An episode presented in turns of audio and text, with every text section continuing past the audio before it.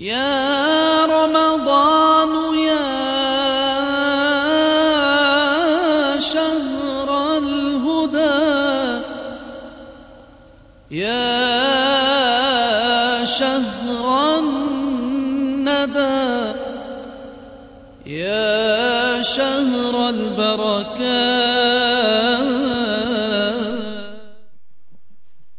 الحمد لله رب العالمين له النعمة وله الفضل وله الثناء الحسن صلى الله وسلم على سيدنا محمد رسول الله وعلى آله وصحبه الطيبين الطاهرين. أما بعد نكمل الكلام عن أموم أخبر عنها سيدنا محمد عليه الصلاة والسلام يجب علينا الإيمان بها. قال المؤلف رحمه الله الحساب. يجب علينا أن نؤمن بأن الحساب حاصل يحصل حق. يحاسب الناس على ما عملوا. والحساب حق وهو عرض أعمال العباد عليهم. كل عبد تعرض عليه أعماله. العبد يوقف على أعماله يبين له ما عمل. ويكون بتكليم الله للعباد جميعهم. الله تعالى يكلم كل العباد يسمعهم كلامه الذي ليس ككلامنا كما سبق أن شرحنا. ليس حرفا ولا صوتا يسمعهم الله كلامه الذي لا يشبه كلامنا. من الناس من يفهم ما يفرحه. ومن الناس من يفهم ما يزعجه ويحزنه. فيفهمون من كلام الله السؤال عما فعلوا بالنعم التي أعطاهم الله إياها نعم يفهمون أن الله تعالى يسألهم ماذا فعلت في كذا ماذا فعلت بكذا ماذا فعلت بكذا. فيسر المؤمن التقي نعم. ولا يسر الكافر لأنه لا حسنة له في الآخرة. الكافر بأي شيء يسر ليس له حسنات في الآخرة. م. بل يكاد يغشاه الموت. لو كان موت في الآخرة لمات من شدة ما يصيبه من الكمد والضيق. م. فقد ورد في الحديث الصحيح ما منكم من أحد إلا سيكلمه ربه يوم القيامة. ليس بينه وبينه ترجمان. كل منهم يسمع كلام الله تبارك وتعالى ويفهم منه ما شاء الله له أن يفهم. الله يخلق له فهما على حسب مشيئته عز وجل. نعم. رواه أحمد والترمذي. الميزان. أيضا يجب الإيمان بالميزان. والميزان حق وهو كميزان الدنيا. الميزان الذي توزن فيه الأعمال في الآخرة يشبه ميزان الدنيا. كيف توزن الأعمال؟ الأعمال ليست أجساما حتى توزن. يعني صحائف الأعمال توزن. أو يخلق الله من هذه الأعمال أجساما فتوزن. ليس معناه أن الأعمال على ما هي توزن لا. وهو كميزان الدنيا له قصبة وعمود وكفتان. قصبة وعمود عمود قصبة كفتان. م. كفة للحسنات وكفة للسيئات م. توزن به الأعمال يوم القيامة. هكذا. والذي يتولى وزنها جبريل وميكائيل. م. وما يوزن إنما هو الصحائف التي كتب عليها الحسنات والسيئات. هكذا قال بعض العلماء الذي يوزن الصحائف صحائف الحسنات وصحائف السيئات. وقال بعضهم غير ذلك ما ذكرناه أن الله يخلق من الأعمال أجساما توزن. فمن رجحت حسناته على سيئاته فهو من أهل النجاة. نعم. ومن تساوت حسناته وسيئاته فهو من أهل النجاة أيضا ولكنه أقل رتبة من الطبقة الأولى وأرفع من الثالثة. من رجحت حسناته نجا وفاز. من تساوت كفة الحسنات وكفة السيئات عنده هذا ليس عليه عذاب لأن سيئاته لم ترجح على حسناته. لكن يبقون هؤلاء مدة على سور الجنة ثم يدخلون الجنة وتكون درجتهم أقل من درجة الذين رجحت حسناتهم. ومن رجحت سيئاته على حسناته فهو تحت مشيئة الله. أما من رجحت سيئاته على حسناته فهذا تحت مشيئة الله. إن شاء الله عاقبه بعدله وإن شاء عفى عنه بفضله. إن شاء عذبه وإن شاء غفر له. نعم. وأما الكافر فترجح كفة سيئاته لا غير. إن أما الكافر كفة سيئاته راجحة لأنه ليس عنده شيء في كفة الحسنات. لأنه لا حسنات له في الآخرة. لأنه أطعم بحسناته في الدنيا. هكذا. الكافر يطعم بحسناته في الدنيا. الكافر ما يعمله من الأعمال الحسنة يطعمه الله ويسقيه بها في الدنيا. أما في الآخرة فلا يجد من حسناته شيئا. يا الله. امضي. الثواب والعقاب. الثواب عند أهل الحق ليس بحق للطائعين واجب على الله. إيه، الثواب يجب أن نؤمن بأن في الآخرة ثوابا وبأن في الآخرة عقابا. يجازى الإنسان على ما عمل. قسم من الناس يجازون بما يسوءهم في الآخرة على أعمالهم الصالحة. وهناك أيضا عقاب في الآخرة. على الأعمال التي هي محرمة. إيه، هذا الثواب ليس حقا واجبا على الله إنما فضل يتفضل به ربنا تبارك وتعالى. إنما يحصل لابد لأن الله وعد بذلك والله لا يكذب عز وجل لكنه ليس واجبا على الله عز وجل ليس فرضا عليه أن يثيب من أطاعه. وإنما هو فضل منه. نعم. وهو الجزاء الذي يجزى به المؤمن مما يسره في الآخرة. يعني على حسناته. والعقاب لا يجب على الله أيضا. والعقاب لا يجب على الله أيضا إيقاعه للعصاة. كذلك العقاب ليس واجبا على الله أن يعاقب من عصاه. لكن الله يفعل هذا بعدله. وإنما يقع هذا لأن الله أخبر أنه يقع وخبر الله لا يدخله الكذب ولكن ليس لأنه واجب على الله أن يعاقب العصاة. لو أن الله أدخل الكافرين الجنة لما كان هذا لما كان هذا ظلما منه عز وجل. يفعل كلنا ملك له وهو يفعل في ملكه ما يريد سبحانه. ليس له حاكم ولا آمر ولا ناه لا يسأل عما يفعل وهم يسألون. وإنما هو عدل منه. وهو ما يسوء العبد يوم القيامة. نعم. وهو على قسمين. هذا العقاب على قسمين. أكبر وأصغر. نعم. فالعقاب الأكبر هو دخول النار والعقاب الأصغر ما سوى ذلك. العقاب الأكبر دخول النار. أعاذنا الله من ذلك. هذا أكبر عقاب يكون في الآخرة. نار جهنم. والعقاب الأصغر هناك عقاب أصغر من دخول النار. هي مثل مثل إيش؟ كأذى. كأذى حر الشمس يوم القيامة فإنها تسلط على الكفار. فيعرقون حتى يصل عرق أحدهم إلى فيه. الكفار مثلا يوم القيامة تقترب يوم الق... في يوم القيامة تقترب الشمس من رؤوس العباد. الكافر ينزل منه العرق حتى يصل العرق إلى فمه إلى فيه. ولا ولا ي... ويكون عرقه لنفسه.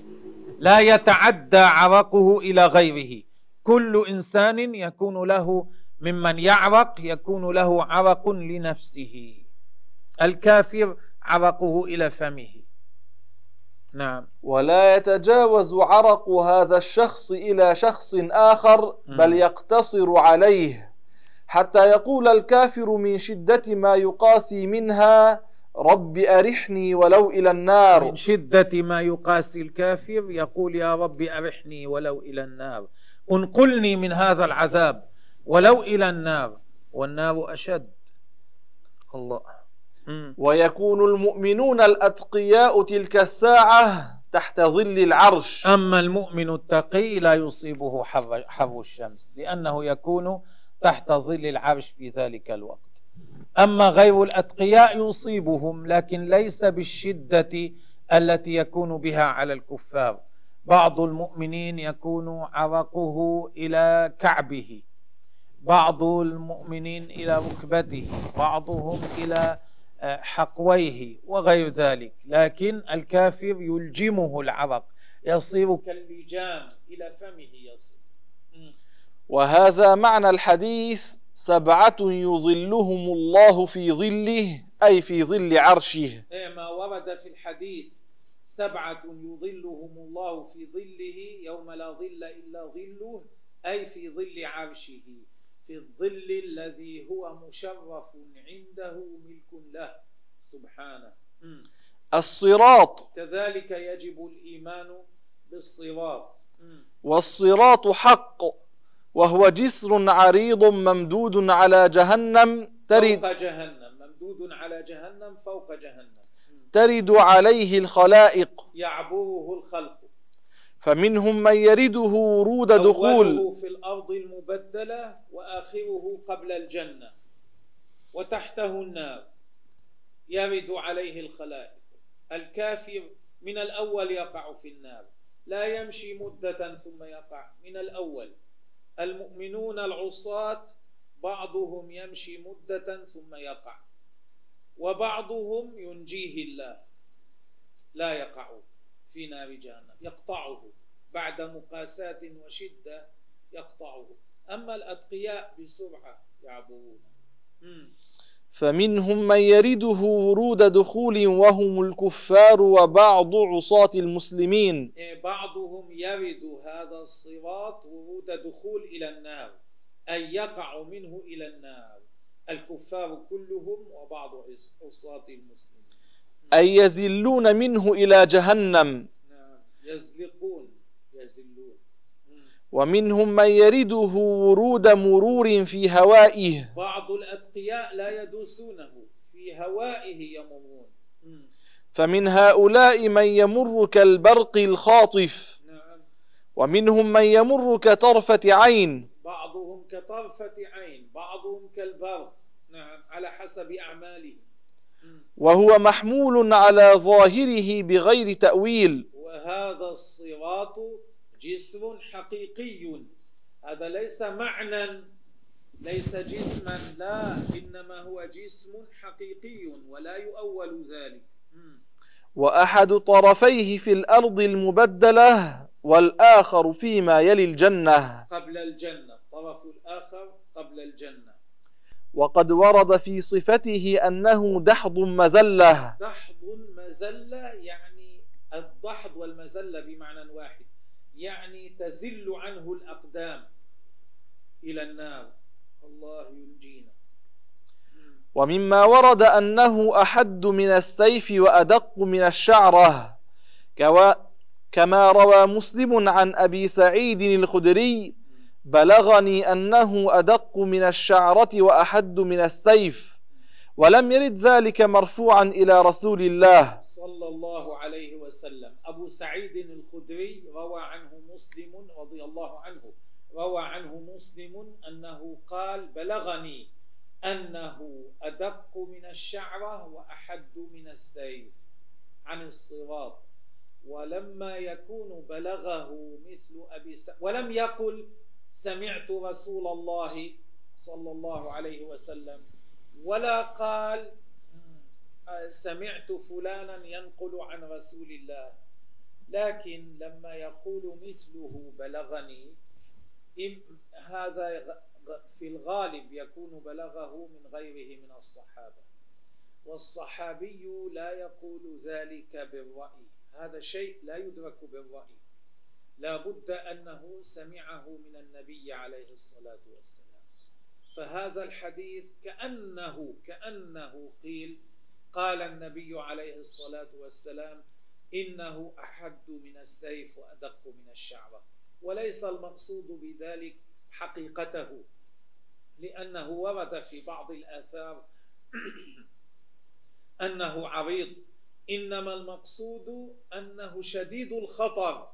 المشي عليه كالمشي على شيء أدق, أدق كالمشي على شيء أدق من الشعرة. كالمشي على حد السيف. هذا المقصود. ليس المقصود أن عرض الصراط كحد السيف كيف يسع الناس. إنما المقصود بيان خطره.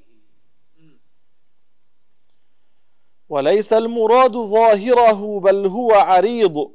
وإنما المراد بذلك أن خطره عظيم. فإن يسر الجواز عليه وعسره على قدر الطاعات والمعاصي ولا يعلم حدود ذلك إلا الله. يعني يقطعه الإنسان بيسر أو بعسر على حسب أعماله. والذي يعرف على الحقيقة ما للإنسان من طاعات ومعاصي هو الله. الله ييسر علينا ذلك. فقد ورد في الصحيح أنه تجري بهم أعمالهم. معناه أن أعمالهم تصير لهم قوة السير. تجري بهم أعمالهم. كلما كان عمله أحسن كلما كان أقوى على على السير. لذلك بعضهم يقطعه كلمح البصر يقطعه كطرفة عين. بعضهم كالبرق على حسب أعمالهم. أعمالهم تقويهم على قطعه. نعم. الحوض. كذلك يجب على يجب على علينا أن نؤمن بالحوض.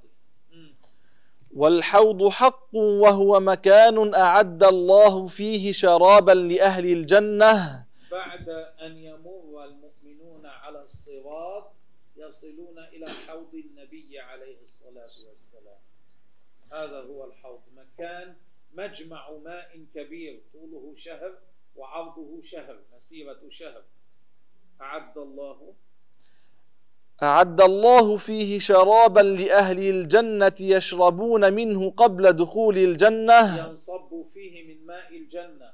فقبل أن يدخل المؤمنون الجنة يشربون من الحوض. يشربون منه قبل دخول الجنة وبعد مجاوزة الصراط.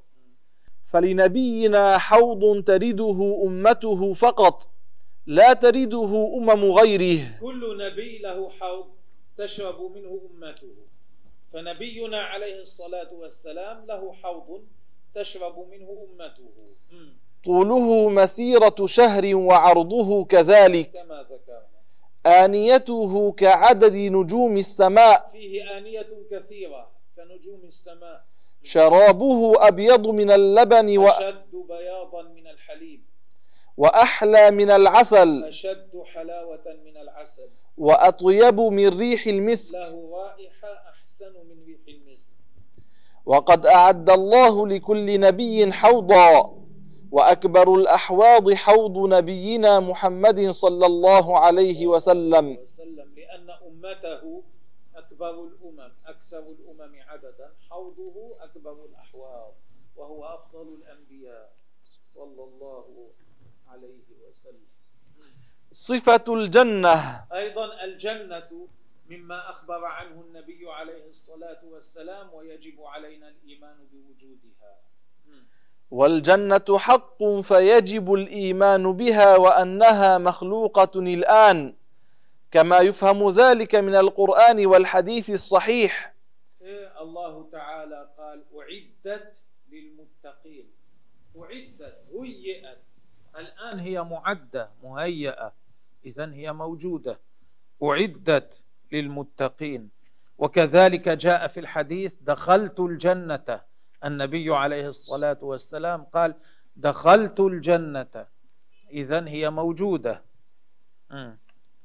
وهي فوق السماء السابعة. فوق السماء السابعة. ليست متصلة بها بينها وبينها فراغ. ليست متصلة بها. نعم. وسقفها عرش الرحمن. أعلى الجنة الفردوس وفوق الفردوس سقف الفردوس العرش. وأهلها على صورة أبيهم آدم يعني من حيث حجمهم. ستون ذراعا طولا في سبعة أذرع عرضا. كل واحد طوله ستون ذراعا وعرضه سبعة أذرع. جميل الصورة. ليس فيهم بشع كلهم جميل الصورة. جرد مرد. ليس فيهم من له لحية ولا فيهم من على بدنه شعر. جرد ليس على أبدانهم شعر. آه، مرد ليس لهم ليس للرجال فيهم لحية. في عمر ثلاثة وثلاثين عاما. كأنهم في سن ثلاث وثلاثين وهو مجتمع قوة الإنسان. خالدون فيها لا يخرجون منها أبدا. في نعيم دائم لا ينقطع لهم فيها ما يشتهون.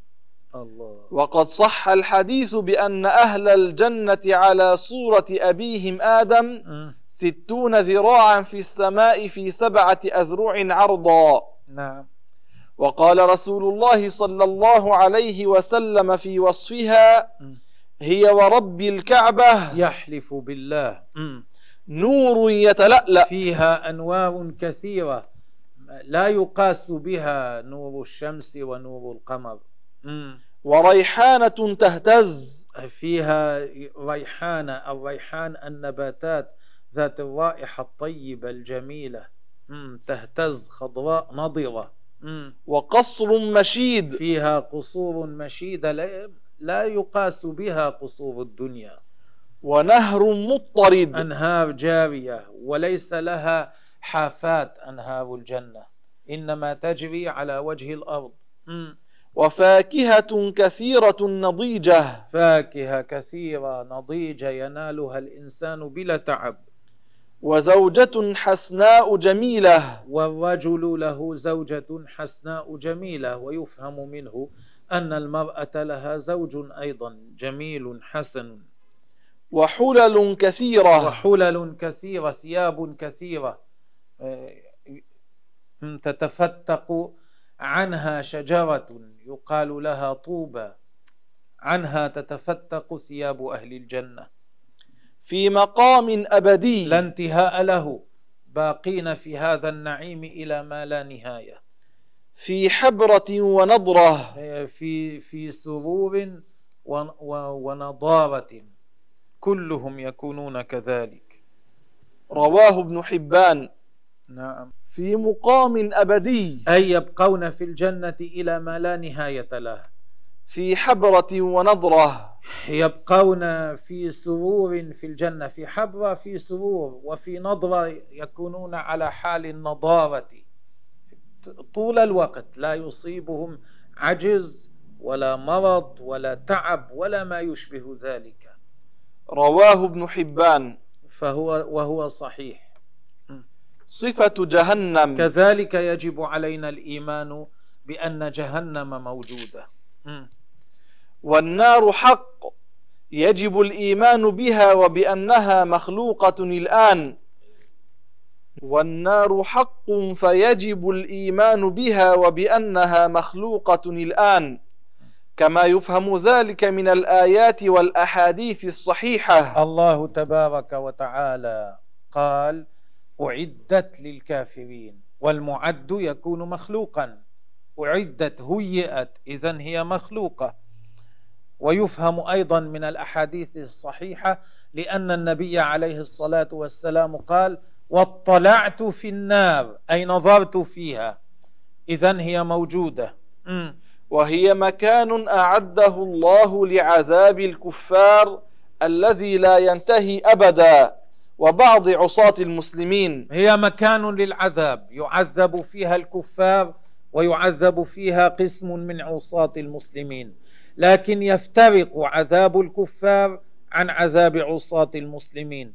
الكفار يعذبون في قعر جهنم حيث أشد العذاب. عذاب الكافر أشد بكثير من عذاب المسلم. المسلم العاصي عذابه شديد لكنه لا يخلد في النار. أما الكافر فهو خالد في نار جهنم إلى ما لا نهاية له. الله يعيذنا من ذلك. ومكانها تحت الأرض السابعة. منفصلة عن الأرض السابعة تحتها. من غير أن تكون متصلة بها. هذا هو. ويزيد الله في حجم الكافر في النار ليزداد عذابا. حتى يزداد عذابه الله يجعله أكبر. حتى ورد أن ضرسه يكون كجبل أحد. حتى يكون ضرسه كجبل أحد. يا لطف وهو خالد في النار أبدا لا يموت فيها ولا يحيا أي حياة فيها راحة إيه، لا يموت فيها فيرتاح ولا يحيا أي لا يحيا حياة طيبة مريحة. ليس لهم فيها طعام إلا من ضريع. وشرابهم من الماء الحار المتناهي الحرارة. إيه، يأكلون فيها شيئا بشع المنظر مر الطعم شديد الإزعاج ولا ينفع. ليس لهم منه منفعة تنفع أبدانهم. ويشربون الماء الحار المتناهي الحرارة الذي يقطع أمعاءهم. وأم وأما كون الجنة فوق السماء الله يعيذنا من ذلك. وأما كون الجنة فوق السماء السابعة نعم. فذلك ثابت فيما صح من الحديث وهو قوله صلى الله عليه وسلم وفوقه يعني الفردوس عرش الرحمن. هذا في البخاري. وأما كون جهنم تحت الأرض السابعة فقد قال أبو عبد الله الحاكم في المستدرك إن ذلك جاءت فيه روايات صحيحة. والحاكم حافظ محدث متوسع. الشفاعة. أيضا يجب علينا الإيمان بالشفاعة. والشفاعة حق وهي سؤال الخير من الغير للغير. هذا تعريفها. الشفاعة سؤال الخير من الغير للغير أن يسأل أن يطلب الإنسان من غيره خيرا لغيره. هذا معنى الشفاعة من حيث العموم. م. فيشفع النبيون وال... أما الشفاعة الأخروية التي تكون في الآخرة فمعناها طلب إسقاط العذاب. طلب إسقاط العذاب عن بعض المؤمنين عن قسم من المؤمنين. هذا معنى الشفاعة الأخروية داخل تحت هذا هو نوع من أنواع الشفاعة بعمومها لأنه طلب خير من الغير من الله للغير لقسم من عصاة المؤمنين. فيشفع النبيون والعلماء العاملون والشهداء والملائكة. كل هؤلاء يشفعون وغيرهم يشفع أيضا. ويشفع نبينا لأهل الكبائر من أمته. عليه وسلم. هكذا. فقد جاء في الحديث الصحيح. يعني لقسم منهم. ليس للكل بل قسم من أهل الكبائر لا بد أن يعذبوا. فقد جاء في الحديث الصحيح. شفاعتي لأهل الكبائر من أمتي رواه رواه ابن حبان. أي هؤلاء الذين يستحقون شفاعتي هؤلاء الذين تنصرف شفاعتي لهم. لا أشفع للأتقياء لأن التقي لا يحتاج للشفاعة. أي غير أهل الكبائر ليسوا بحاجة للشفاعة. نعم. وتكون لبعضهم قبل دخولهم النار. بعض الناس يشفع لهم قبل دخولهم النار فلا يدخلوها. ولبعض بعد دخولهم قبل أن تمضي المدة التي يستحقون بمعاصيهم. وبعض المؤمنين يشفع لهم بعد دخول النار فيخرجون منها قبل أن تمضي المدة التي يستحقونها من العذاب بمعاصيهم. إذا الشفاعة قد تكون قبل دخول النار حتى لا يدخل الإنسان النار أو بعد دخول النار حتى يخرج قبل أن تمضي المدة التي يستحق أن يبقى فيها في النار.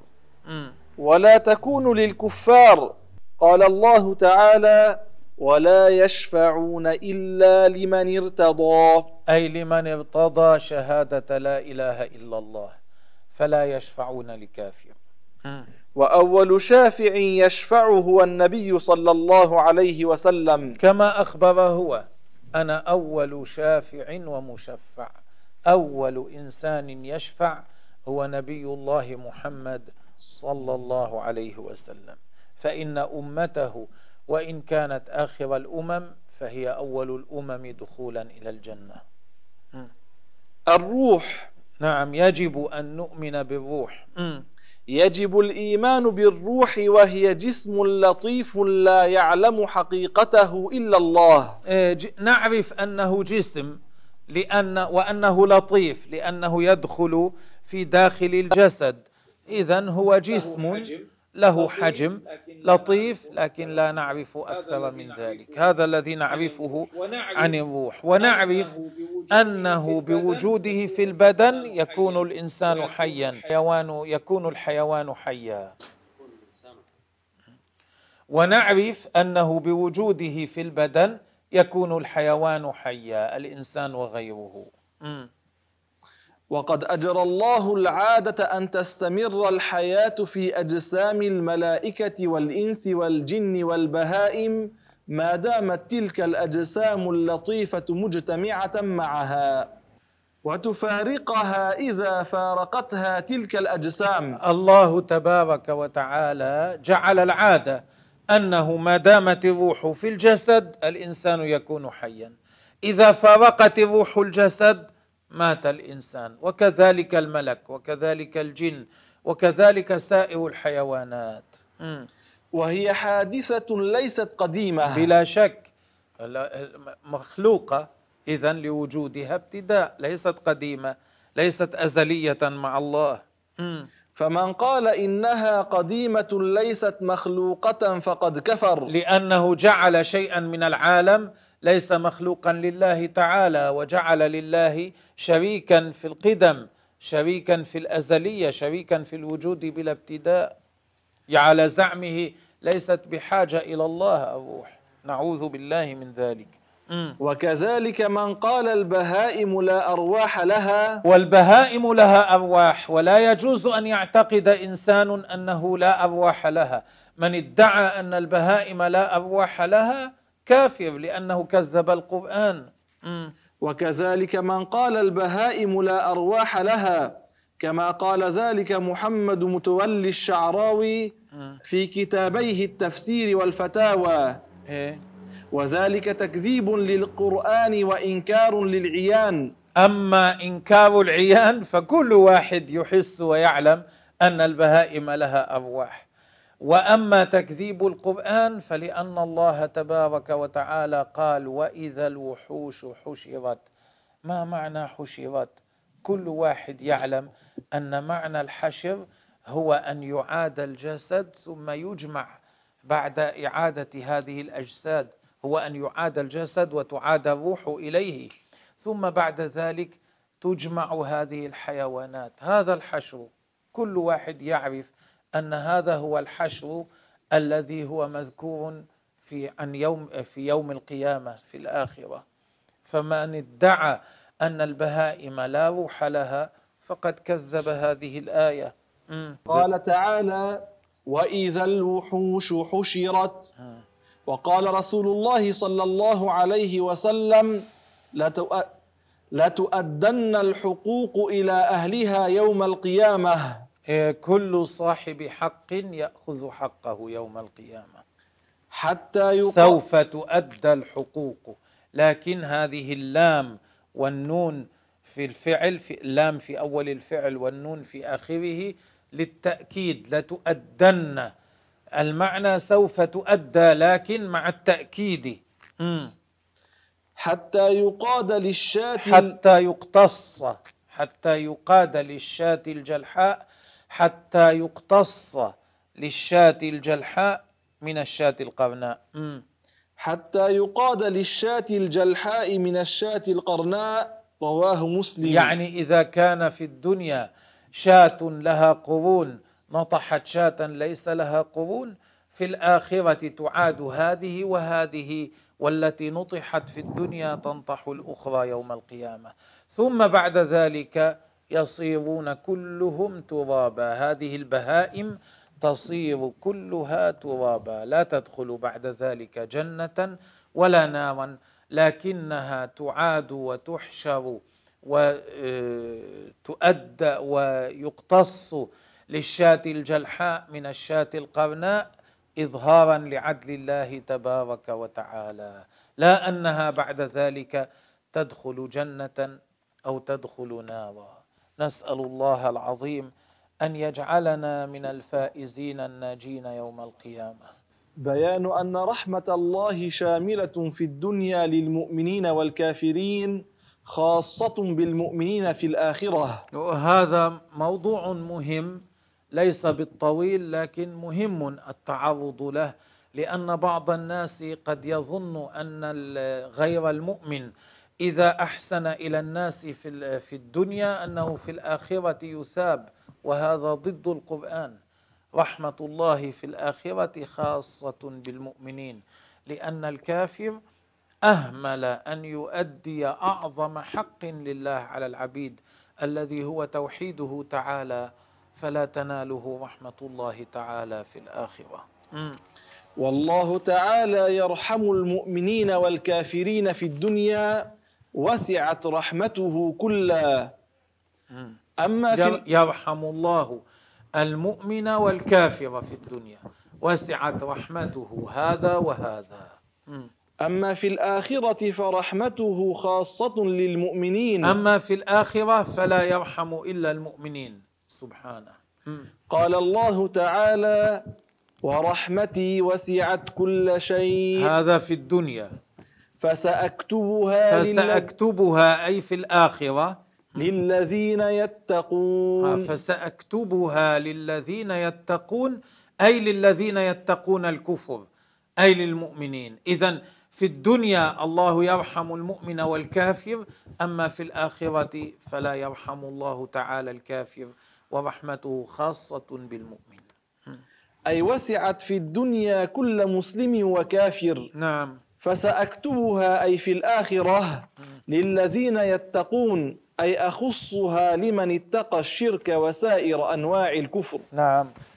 وقال تعالى ونادى أصحاب النار أصحاب الجنة أن أفيضوا علينا من الماء. أعطونا من الماء الذي عندكم. هذا ينادي أصحاب الجنة أصحاب النار أصحاب الجنة أعطونا من الماء الذي عندكم. نعم. أن أفيضوا علينا من الماء أو مما رزقكم الله. من الفاكهة التي تأكلونها وغير ذلك من الأطعمة. قالوا إن الله حرمهما على الكافرين. يجيبهم أهل الجنة إن الله حرمهما على الكافرين. معناه هذا خاص هذه الرحمات خاصة بالمؤمنين في الآخرة لا ينال الكافر منها شيء. أي أن الله حرم على الكافرين الرزق النافع والماء المروي في الآخرة. نعم. وذلك لأنهم أضاعوا أعظم حقوق الله الذي لا بديل له وهو الإيمان بالله ورسوله. كما شرحنا. ثم إن الله جعل الدخول في الإسلام الذي هو أفضل نعم الله سهلا. إيه ثم الدخول في الإسلام سهل. الكافر لا يحتاج إلا أن يؤمن بقلبه بمعنى الشهادتين وينطق بهما بلسانه حتى يصير مسلما. وما أسهل ذلك؟ وذلك بالنطق بالشهادتين بعد معرفة الله ورسوله. وجعل الكفر سهلا. لكن أيضا الكفر سهل. فكلمة واحدة تدل على الاستخفاف بالله أو شريعته تخرج قائلها من الإيمان. إذا تكلم الإنسان بكلمة واحدة فيها استهزاء بالله أو ملائكته أو كتبه أو رسله أو وعده أو وعيده أو أحكام دينه بكلمة واحدة من مثل هذا يخرج من الإسلام. أيضا هذا سهل. فينبغي على الإنسان أن يتنبه. تخرج قائلها من الإيمان وتوقعه في الكفر الذي هو أسوأ الأحوال. إيه، يصير بالكلمة الواحدة كافرا واقعا في الكفر الذي هو أسوأ حال يكون عليه الإنسان. حتى يكون عند الله أحقر من الحشرات والوحوش. نعم النبي عليه الصلاة والسلام قال لا تحلفوا بآبائكم الذين ماتوا في الجاهلية يعني ماتوا على الكفر فوالذي نفس محمد بيده إنما يدهدهه الجعل بأنفه ما يكبتله الجعل ما يجعله الجعل مثل الطابه مستديرا. الجعل هذه الحشرة الصغيرة التي تكون على أقذار الناس تجمع القذر تكبتله. إنما يدهدهه الجعل بأنفه يعني هذا القذر خير من هؤلاء المشركين. هذا القذر خير من المشركين. نعم. هذا إلى هذا القدر الكفر بالله تبارك وتعالى ينزل بقدر الإنسان. حتى يكون عند الله أحقر من الحشرات والوحوش. سواء تكلم بها جادا أو مازحا أو غضبان. كيفما تكلم بهذه الكلمة المكفرة؟ طالما خرجت منه بإرادته ليس سبق لسان وليس مكرها فإنه يصير على هذه الحال السيئة. وقد شرح ذلك في كتب الفقه في المذاهب المعتبرة. كتب الفقه في المذاهب الأربعة شرحوا هذا. وحكموا أن المتلفظ بها يكفر. وبينوا أن من تلفظ بها يكفر. هذا إعادة تأكيد من شيخنا رحمه الله على ما كان ذكره قبل. بعد أن ذكر أحوال الآخرة وما يجب الإيمان به وأن النبي عليه الصلاة والسلام أخبرنا عن الجنة والنار وعن الصراط وعن الميزان وعن الحساب ونحو ذلك عاد إلى التذكير بأن الدخول في الإسلام سهل. لا ينبغي أن يفوت الكافر ذلك. ولكن الخروج من الإسلام أيضا سهل فينبغي على الشخص أن يتنبه لذلك حتى يموت على الإيمان أن يجتنب ذلك حتى يموت على الإيمان حتى لا يكون من أهل الخسارة المستمرة الدائمة في الآخرة. لذلك رجع إلى بيان هذا الأمر زيادة في التذكير وتأكيدا. قال الله تعالى إن شر الدواب عند الله الذين كفروا فهم لا يؤمنون. الدواب جمع دابة والدابة في لغة العرب كل ما يدب على وجه الأرض ليس فقط البهيمة التي لها أربعة أرجل تمشي عليها لا إنما الدابة في أصل اللغة كل ما يدب على وجه الأرض فالإنسان أيضا دابة. أخبر ربنا عز وجل أن شر الدواب على الإطلاق هم الكفار الذين لا يؤمنون. أسأل الله تبارك وتعالى أن يحيينا ما حيينا مسلمين وأن يتوفانا مؤمنين وأن يحشرنا مع الصالحين. وأسأله سبحانه وتعالى أن يجنبنا عذاب النار ويدخلنا الفردوس الأعلى برحمته. بجاه النبي عليه الصلاة والسلام. والله تعالى أعلم.